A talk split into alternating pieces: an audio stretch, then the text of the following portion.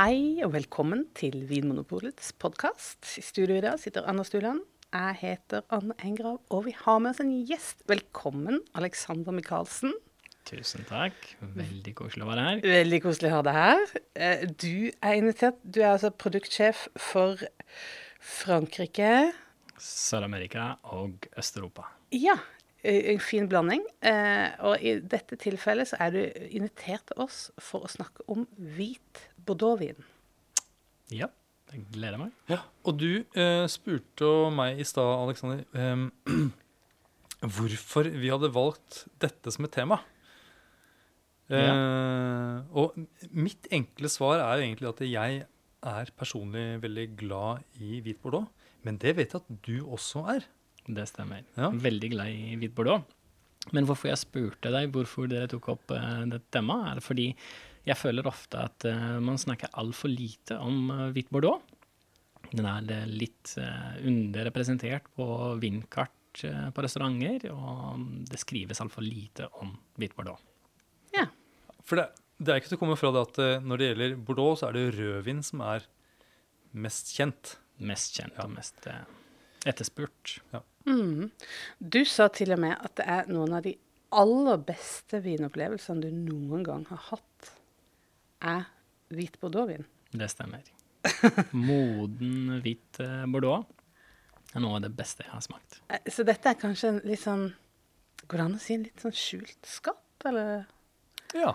No, at vi skal liksom eh, plukke ned i noen sånne der, personlige favoritter til Helt sikkert. en sånn som deg, som jobber mye med vin. Ja. Men um, hvit bordeaux, er det en, en ny greie fra Bordeaux? Er det en, en moderne vinstil? Et nytt påfunn? Ikke i det hele tatt. Eh, altså, før eh, 1950 var Bordeaux mest eh, kjent for eh, hvitvin. Eh, eller det var i hvert fall mest utbredt og mest plantet eh, av grønne druer. Um, nesten 50% var plantet med semillon. Eh, men den, eh, den ble plukket opp og eh, erstattet av røde druer etter 1956, hvor en eh, veldig stor frost eh, slo til i vindmarkene. Og etterspørselen etter bordeaux økte dramatisk eh, på 60- og 70-tallet. Og derfor eh, ble produksjonen eh, meget redusert til nå 10% av total beplantning og produksjon av vin Ja. i Bordeaux. Så du tenker at grunnen til at eh, produsentene eller bøndene da mm, plantet grønn, nei, blå druetyper istedenfor å plante nye grønne, Det var rett og slett fordi at de mente at markedet var mer interessert i de røde vinene? Det, uten tvil. Ja. Det var større etterspørsel etter det, og de klarte å selge mye lettere de røde enn eh, de grønne. Men likevel så var mange av de hvite bordeauxene sånn anerkjente viner i mellomkrigstiden, var det ikke det? Ja, de var veldig, veldig anerkjente, og de slåttene som produserte hvitvin på den tiden, de lager fortsatt veldig, veldig stabile og gode, solide viner. Eh, Bordeaux er jo et, er et stort område. Gigantisk. Eh, ikke like stort som Belgia, men Det hadde vært fint hvis vi kunne slå i bord med det. halv, halvpått så stort som eh, Luxembourg. Ja, faktisk.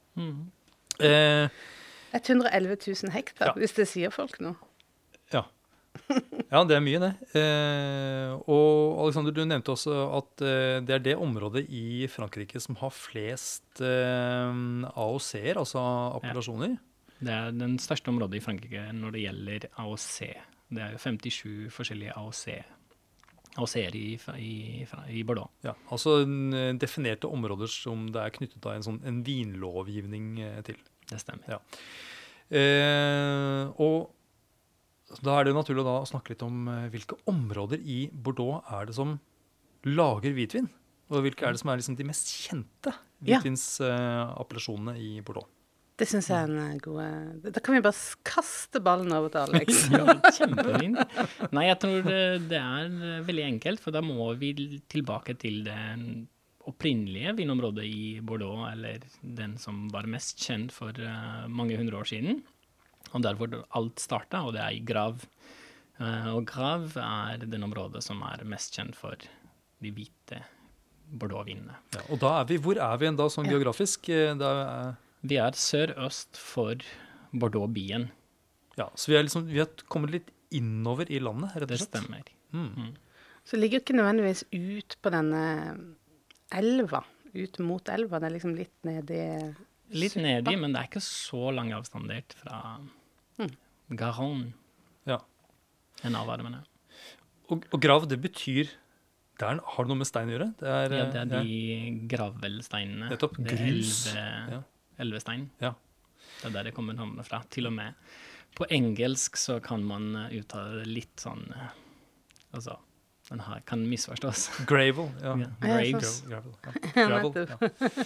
Um, altså. Ja, for det var før dette veldig berømte rødvinsområdet som ligger oppover langs elve... Med Dokken, altså når den ble drenert det, Før det så var det et myr, Mm. og det var ingen uh, drueproduksjon der. mm, akkurat sånn som Bygdøy. Så heller ikke noe drueproduksjon der. Nei, men jeg tror det var det ikke, jeg lurer på det, For en del hundre år siden så anbefalte man ikke folk å bo på bygde. for det var, sånn, det var usunt for helsa. Jeg tror det var noe med klimaet der som ikke var bra. Liksom, at det var litt sånn myr og mygg og Ja, nettopp. Ja. Det er sikkert litt mygg i eh, Ja, så i dette originale Bordeaux-området eh, i Grav, så, så eh, der er det fremdeles mye hvitvinsproduksjon. Mye hvitvinsproduksjon.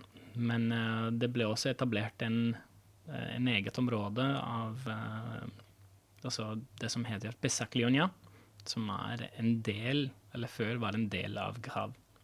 Ja, så de skilte ut De en skilte liten sånn ut. klump. En stor klump nordvest i Grav. Kanskje vi skal si sånn litt sånn med en gang at, vi, at denne episoden eh, For når vi sa vi skulle snakke om hvite viner fra Bordeaux, så uh, er det kanskje noen som tenker at vi skal snakke om Sauterne og Barsac, altså disse edelsøte Søte. vinene. Men det var jo ikke det vi hadde tenkt å snakke om. Det er en viktig presisering. Dette er de tørre Dette er de tørre. tørre. For vi roter jo litt nå nede i dette området hvor uh, disse søte vinene blir laget. Eh, og så er det jo kanskje også, selv om vi nå presiserer liksom sånn så er det jo mulig egentlig å, å lage hvitvin i hele Bordeaux-regionen. Men da kan du ikke sette liksom en mer sånn spesifikk opprinnelse på flaska, med mindre liv, lovgivninga eh, tillater Det hvitvinsproduksjon. stemmer. Eh, Det er ikke alle AOC-ene i Bordeaux som har en eh, Som inkluderer hvit, eh, hvitvin i sin appellasjon. Mm. Og derfor så må de deklassifiseres til Bordeaux AOC. Ja. Den mest generiske appellasjonen for, som omfatter hele Bordeaux.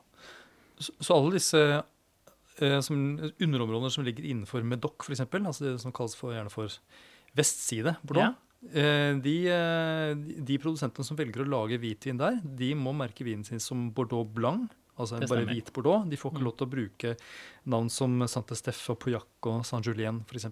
Nei, jeg tror ikke det. det jeg har ikke sett noen eksempler av det. Og det står eh, egentlig ikke helt de charge at eh, det, de må klassifiseres som Bordeaux Mm. se. Mens eh, de som eh, vinner som da heter Grav på etiketten, eller Pessac Leonia, Da kan de bruke Det, er- det er en egen AOC for, uh, for hvitvin Ja. i Pesaclonia og i Grav. så der får du lov til å bruke liksom det litt fjonge appellasjonsnavnet.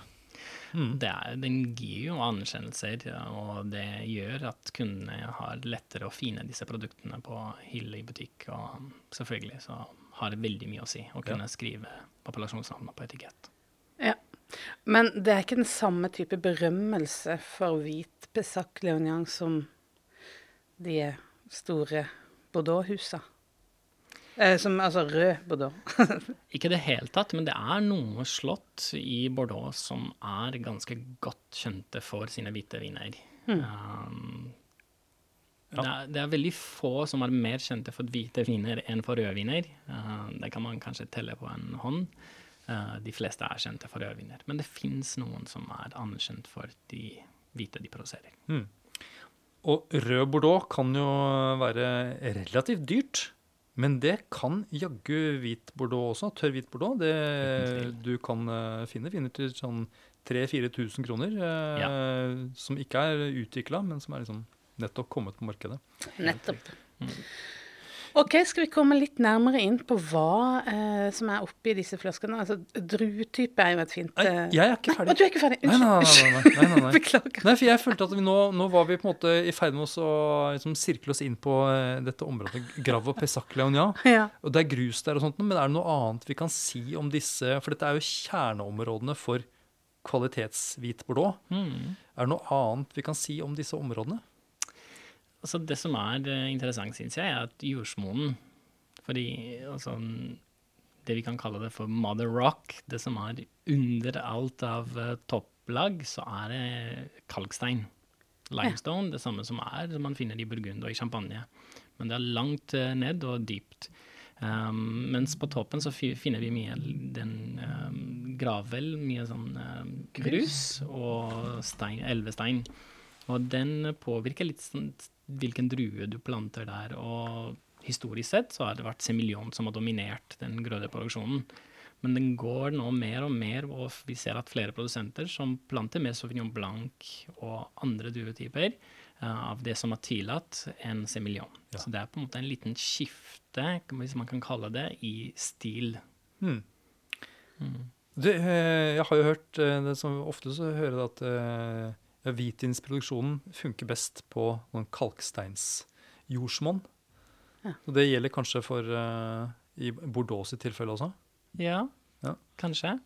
Det er jo fordi Jeg tror det er fordi de mest kjente områdene for hvitvinsproduksjon har uh, ganske mye kalkstein. Ja, nettopp. Så det er liksom hmm. Hva kom først? Hva kom Hva først? kom ja. først? Nettopp. Ja, Ja. lege. Eh, men er det noen andre kjente områder for hvitvinsproduksjon I i- Bordeaux. I, Bordeaux? Det produseres litt hvitvin overalt, egentlig.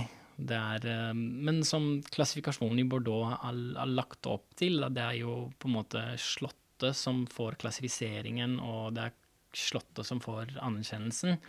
Um, så er det kun Pessac Leonia og Grav som er etablert som et, et appellasjon for hvitvin, som, som fremmer fram kvaliteten på hvitvin.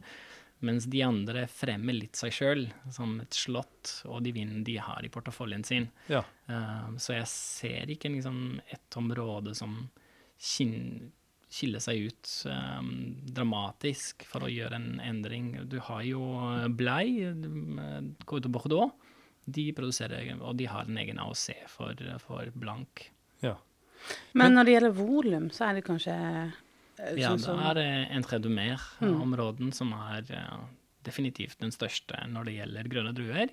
Men det er også preget av, la oss si, entry level-segmentet, uh, hvor det produseres mye og i lavere prissegmenter. Ja, for det er jo en, en del av Bordeaux-historien, på en måte. Eller ikke historien, men fortellinga om Bordeaux er jo det at det er et enormt område, og at en stor del av vinen som lages innenfor den regionen, er ganske billig vin. Mm. ja, ja. Det er lett å glemme. Ja, det er litt lett å glemme, og en, en del av det handler jo om det, den underområdet som du kaller Sletta mellom to elver. Ja, Mm. Entre deux mer. Ganske stort inn i landet, det også. Mm. Ja. Eh, men men du, du snakket nå litt om at eh, det er sl- slottene eller eiendommene som er de kjente, og så er det da noen som snakket om Pessac Landian som et, et område som har liksom eh, viser seg fram som et godt hvitvinsområde. Men Mm. det er vel sånn at de vinene som selges fra Pessac Leonan, de har slottsnavn, ikke sant? Det stemmer. Ja. De Mens- fleste, men du kan, de kan kjøpe druer, og de kan lage en egen label. Det trenger ikke være fra en slott. Nei. Men det vanligste er å ha et slott. Ja. ja. Men hvordan er det med disse vinene fra Entre de Mer, da? dette store området som også lager hvitvin, men Ja. på et lavere kvalitetsnivå? Eh, generisk vin, som du kaller det. Er det, er det slottsnavn på etikettene der også, eller er det mer eh, sånne kuvé-navn eller fantasinavn? Um, Du finner veldig mange slottsnavn i en tredje mer også, men du finner ikke så mange slott. Aha! Det fins en del, selvfølgelig. Men det er ikke i det samme, på det samme skala som du finner i Medoc eller Santamiglion. Mm. Uh, så det er uh, mindre produsenter og mye mindre slott i det, rett og slett, i en. Og så er det mange negosianter og mange altså, Kooperativer spiller en ganske stor rolle i Bordeaux. Nettopp. Så man, eh, man lager ikke vin basert på druer fra egne eiendommer nødvendigvis i Entre-Dumer. Man kjøper inn litt her og litt der, har kontrakter og nettopp. Helt riktig. Mm. Det gjelder jo for så vidt for hele Bordeaux, bortsett fra de klassifiserte slottene som de ikke får lov til å kjøpe druer utenfor sin eiendom. Ja. Mm. ja, det er mye sånn der eh, organisatorisk, egentlig, i Bodø. Det er Ja. sånn der eh, byråkratidrøm, egentlig. Ja, det er veldig byråkratisk, og det er en klassifikasjon Nå avsporer vi litt fra blanke temaet vår, men det er en klassifikasjon som, som strider litt mot uh, andre klassifikasjoner i verden, hvor man setter fokus på hvor druene blir produsert, og hva har det å si for kvaliteten på vinen. Mens i Bordeaux så var det veldig relatert til hvor mye skatt de betalte på den tiden, og hva var de beste eiendommene. Ja. Og de som betalte mest skatt, det var de som fikk den høyeste klassifiseringen. Ja. Hvis byråkratene fikk bestemme. Ikke sant? Eh, men apropos byråkrati, Ja. og eh, at du gjerne vil snakke om druer, ja. eh, skal vi begynne med eh, den nyeste tillatte druetypen eh, Det er litt gøy. i Bordeaux. Eh, for å på en måte begynne i feil ende når det Ja. gjelder det med druer. Ja, det er litt sånn overraskende vinklinger. Ja. Ja, men jeg vil ikke, jeg vil ikke definere det som feil ende. For Nei. det er godt mulig det er det som på sikt, om 20-30-40 år, kan rede Bordeaux fra, fra å ikke kunne produsere vin lenger. Av klimaendringer. Klimaendringene det blir eh, rett og slett eh, veldig utfordrende. Vi ser allerede de sliter med høy alkoholprosent på, på vinene sine. De, masse utfordringer. Mye frost i vinmarkene, hagl og mange sykdommer som dukker opp. eh, Og det, det blir mer og mer utfordrende. Ikke bare for Bordeaux, men i den tilfellet Bordeaux som har eh, bestemt seg for å inkludere nye druetyper i sin eh, lovvirking. Og drrrm, hvilken druetype er det som er lov nå, som vi ikke hadde trodd for noen år siden? Ja, når det gjelder grønne, så er det alvarinio, albarinio, som blir Den er på en måte i en prøveperiode siden 2019 fram til 2032. Så det er en prøveperiode på 15 år for å se om druen eh, kan prestere og kan eh, bidra til en kvalitetsøkning og samtidig trives i området, da, med de nye endringene i klimaet. Det er veldig progressivt, syns jeg. Ja, vi hadde en liten diskusjon om det. Å rocke ja. ja, for du er litt eh, Hvordan ser du på det, egentlig? Nei, men eh, jeg vet ikke helt, for å være ærlig, hvorfor jeg var så negativ til, at, eh, til å si at Bordeaux Bordeaux er de siste, men når du sa det på den måten, så tenkte jeg ja, kanskje du har rett. Kanskje de er faktisk en av de første som gjør endringer og, for å tilpasse seg til, til klimaendringene. Mm. Så du hadde et godt poeng. Ja, fordi sånn i farta så kommer jeg ikke på noen andre eh, veletablerte vinområder som inkluderer nye druetyper. Nei. Eh, I hvert fall i Europa. Så ja, Og det at eh, Bordeaux for meg eh, virker som en veldig konservativ eh, skal jeg, eh, vin. Tradisjonell, Og kan vi ja, kalle det. Ja, tradisjonell, ja. Så, Men, det, eh, så det overrasker meg, men eh, ja.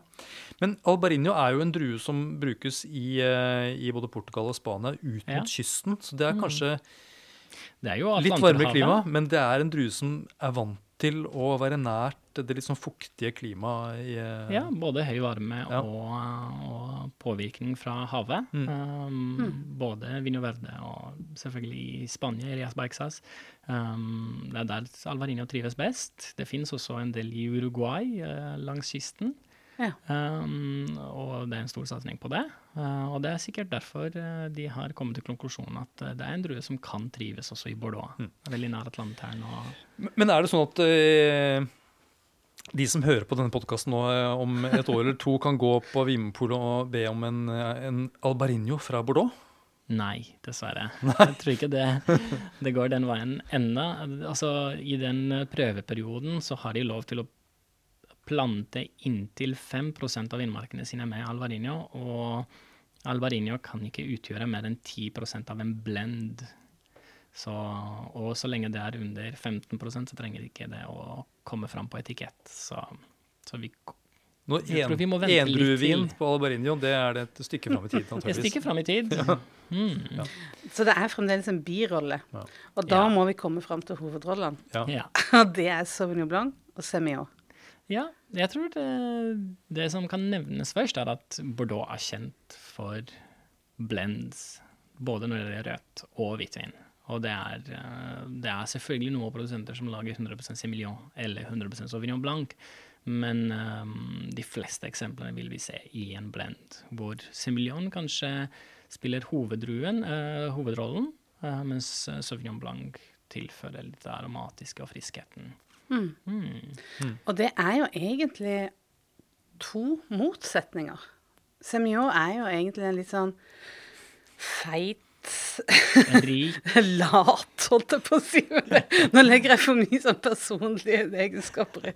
Men det er mer sånn rik, eh, feit, liksom voksaktig, sånn dype aromer. Mens du har Sauvignon Blanc som er tenker på som veldig frisk og veldig aromatisk. Det er veldig ulike druer som de har valgt å putte sammen. Ja, men det er kanskje de komplementerende egenskapene de var ute etter. Det å kunne på en måte balansere litt den rikheten og den lushinessen semiljonen her, med friskhet og litt mer tension, litt mer uh, spens i, i Sauvignon Blancen. Ja, det er Ja. perfekt. Og jeg syns de gjør en veldig god jobb. Ja.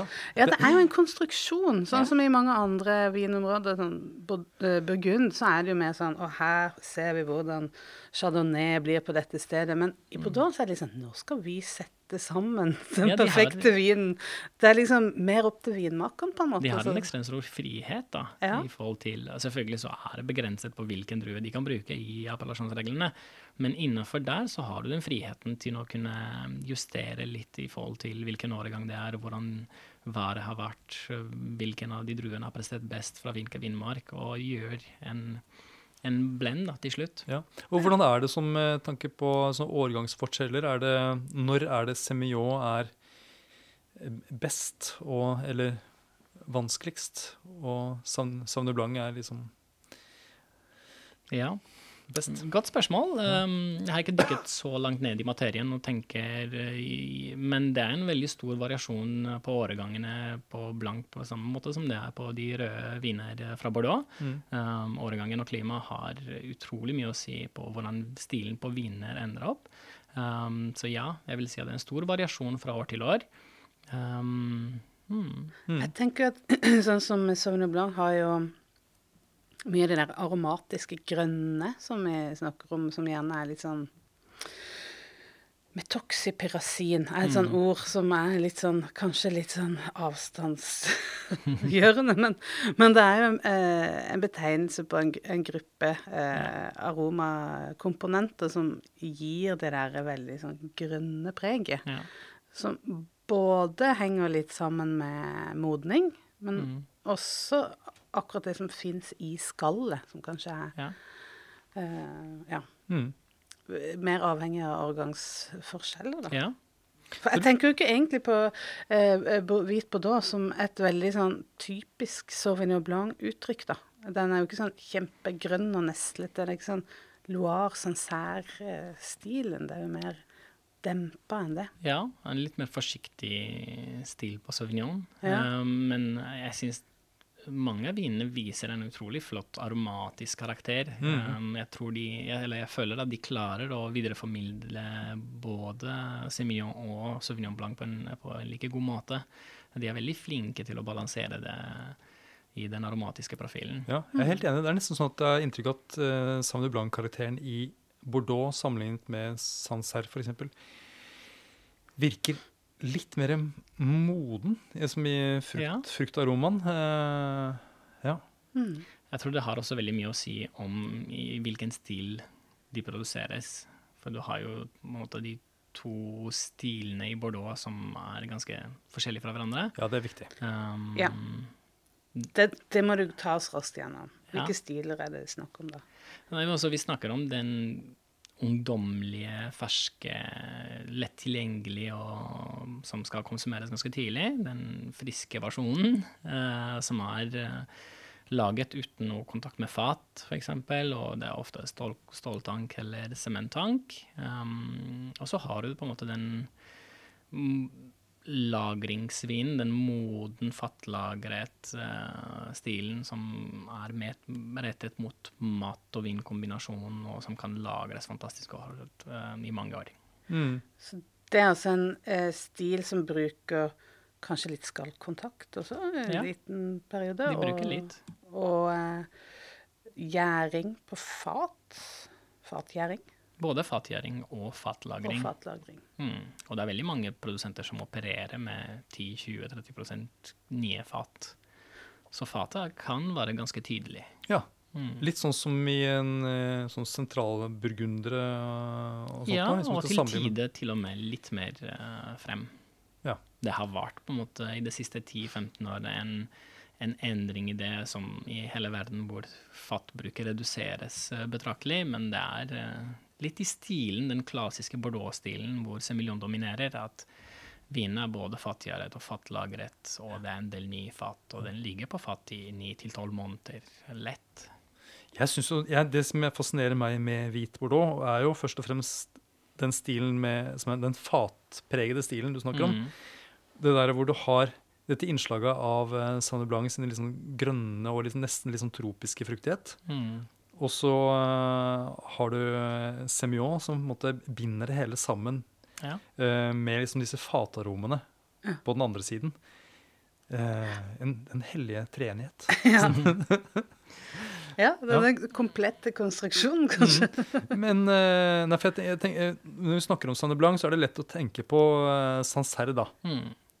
Og stilmessig så er det jo en fatlagra um, hvit bordeaux. Mm. Den er jo et godt stykke unna uh, Sancerre.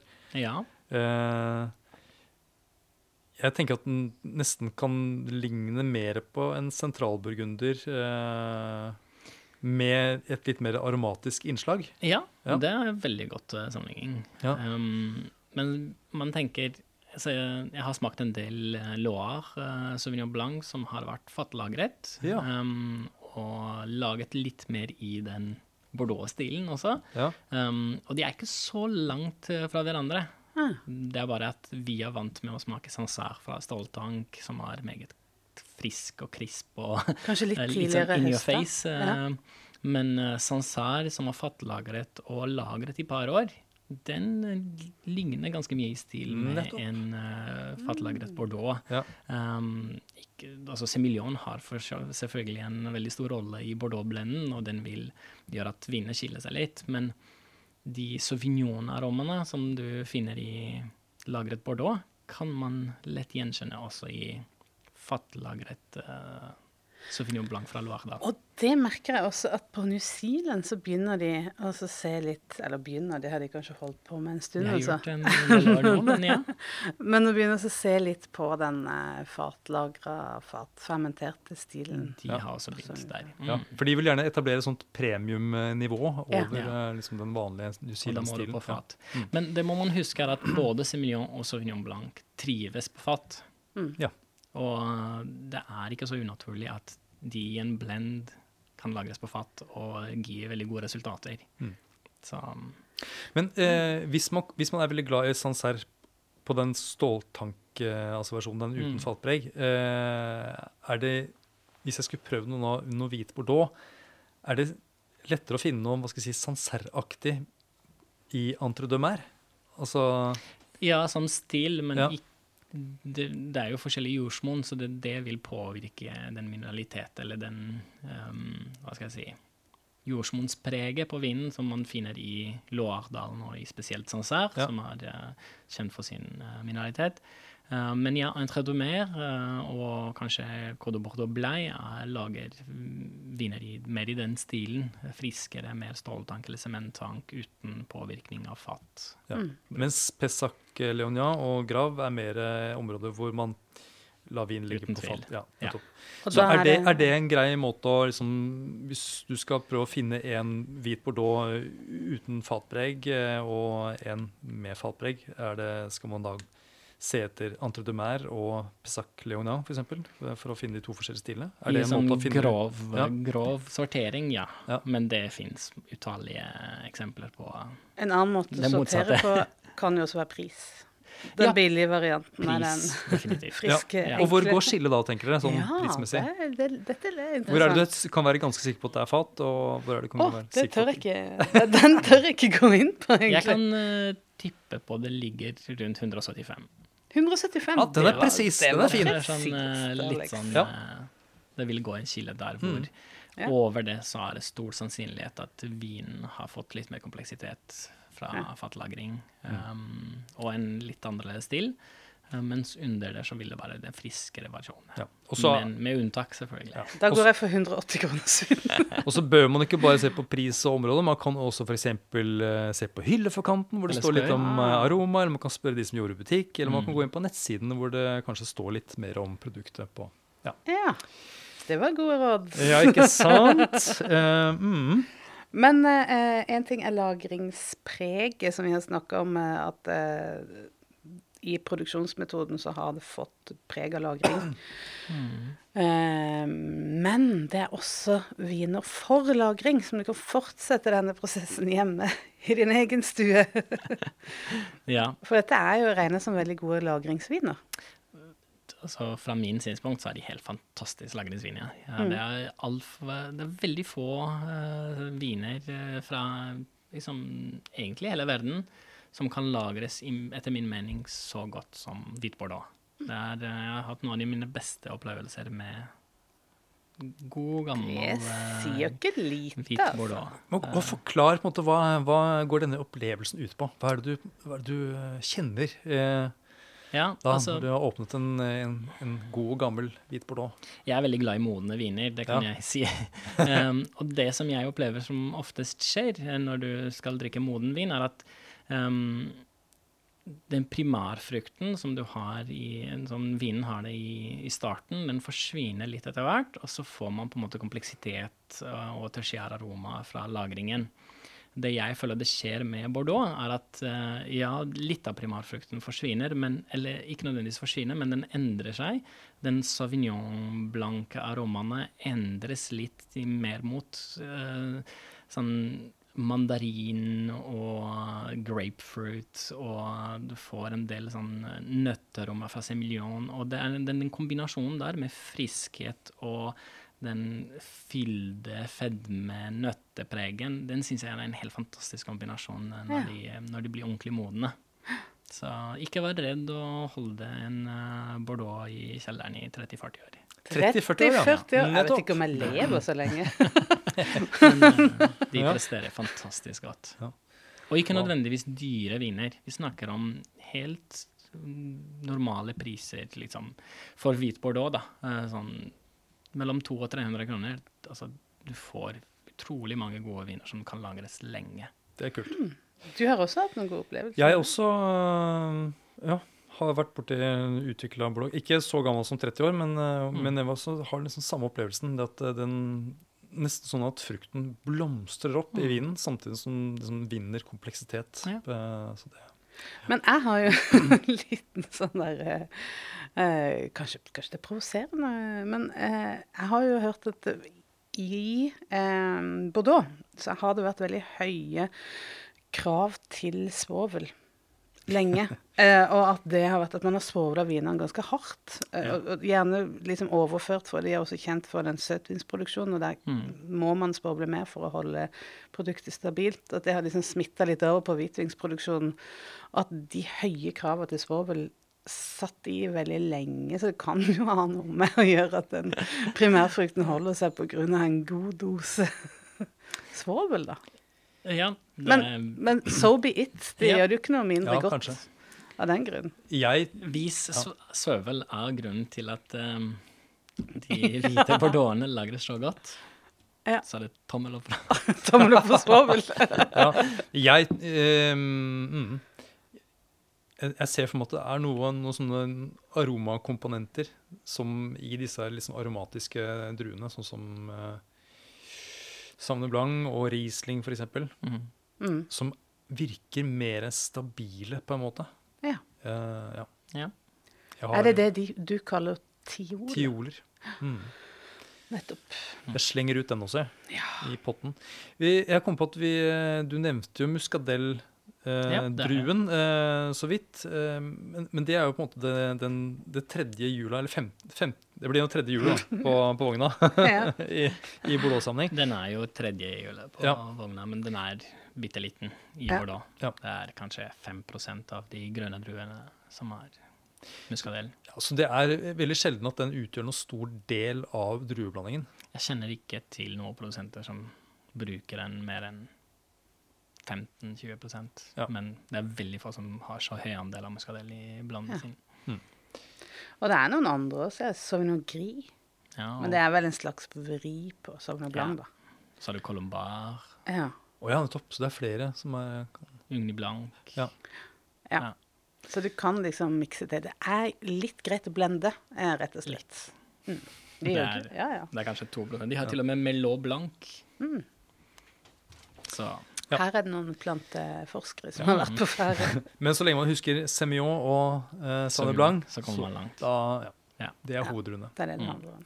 Men med så mange eh, deilige aromatiske knagger og en eh, tydelig struktur i form av syre, litt den der olja munnfølelsen til Semillon, Mm. så har vi jo en matvin par excellence!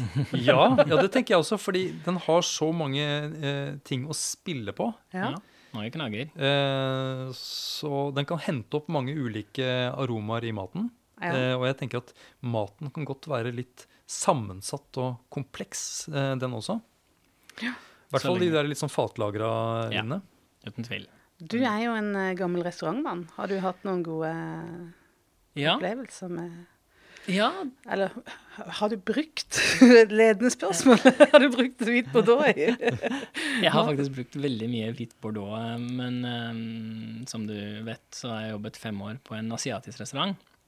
Og der var det faktisk ganske morsomt å dra fram eh, hvit bordeaux mot asiatiske smaker. Ja. Uh, og det er ikke selvfølgelig ikke mye chili involvert, for da takler man i- takler ikke hvit bordeaux det så godt. Men den takler krydder. Ja. Um, og ikke minst så takler den uh, veldig godt eh, ganske feite fisktyper, uh, og gjerne med mye smør. Mye liksom, smør. selveste hadde jeg smøret. eh, hvis, eh, hvis jeg skal åpne en hvit bordeaux, så går jeg mot eh, smør, gjerne fisk. Ja. Um, Fløte. ja, flottet takler den veldig godt. Ja. Eh, Sopp, stuving, Ja. flotte Ja. sauser. Det, det er en fantastisk kombinasjon. Så en stekt, eh, stekt breiflabb med en liten eh, risotto til, for eksempel. Er det Det kan fungere fantastisk. Det fungerer Husk for meg. smøret. For all del ikke glem men, eh, smøret. men disse enklere hvite bordonna som er uten fatpreg Altså, de funker til alt. Det, altså, det er Ja. friske, lett tilgjengelig, lett å forstå viner, hvor Sauvignon Blanc spiller hovedrollen. Så det er de fantastiske til salater eh, på sommeren, eh, lett sånn aperitiv Det er Reker. veldig reker på Ja. sommeren. Alt du vil ha sitron og en liten sånn krydderkost. Ja, ja topp. Sånn kokt laks eh, og sånt noe. Ja. Stekt makrell, kan det være Kanskje den blir Noen av de, det kommer jo litt an på kvalitetsnivået, men Mm. noen av de kan kanskje bli litt spinkle. Hvis Ja, det kommer, I hvert fall hvis det kommer sånn høstmakrell opp og skal Ja. lage bråk. ja, nei, men egentlig, Vi snakka så vidt litt om det før vi begynte. Vi fant vel egentlig ut at eh, en sånn uh, fatlagra variant passer til alt utenom frokost. Ja. det, det er vel det jeg vil ta med Også kalt middag. Middag, lunsj, kanskje kvelds. Nei, jeg, Ja. jeg tror det er så langt vi kommer i denne runden. En liten perle er hentet opp fra Skattkista. Kanskje, ja, holdt på å si havets bunn, men eh, Fra elvebunnen, kanskje mer. Ja, Kanskje. Siden det er bortom. Tusen takk for at du kom, Alex. Bare koselig. Takk for at du hører på Vinmonopolets podkast. Har du forslag til et tema i podkasten? Send mail til podkast at vinmonopolet.no. I tillegg svarer kundesenteret deg på e-post, chat og telefon.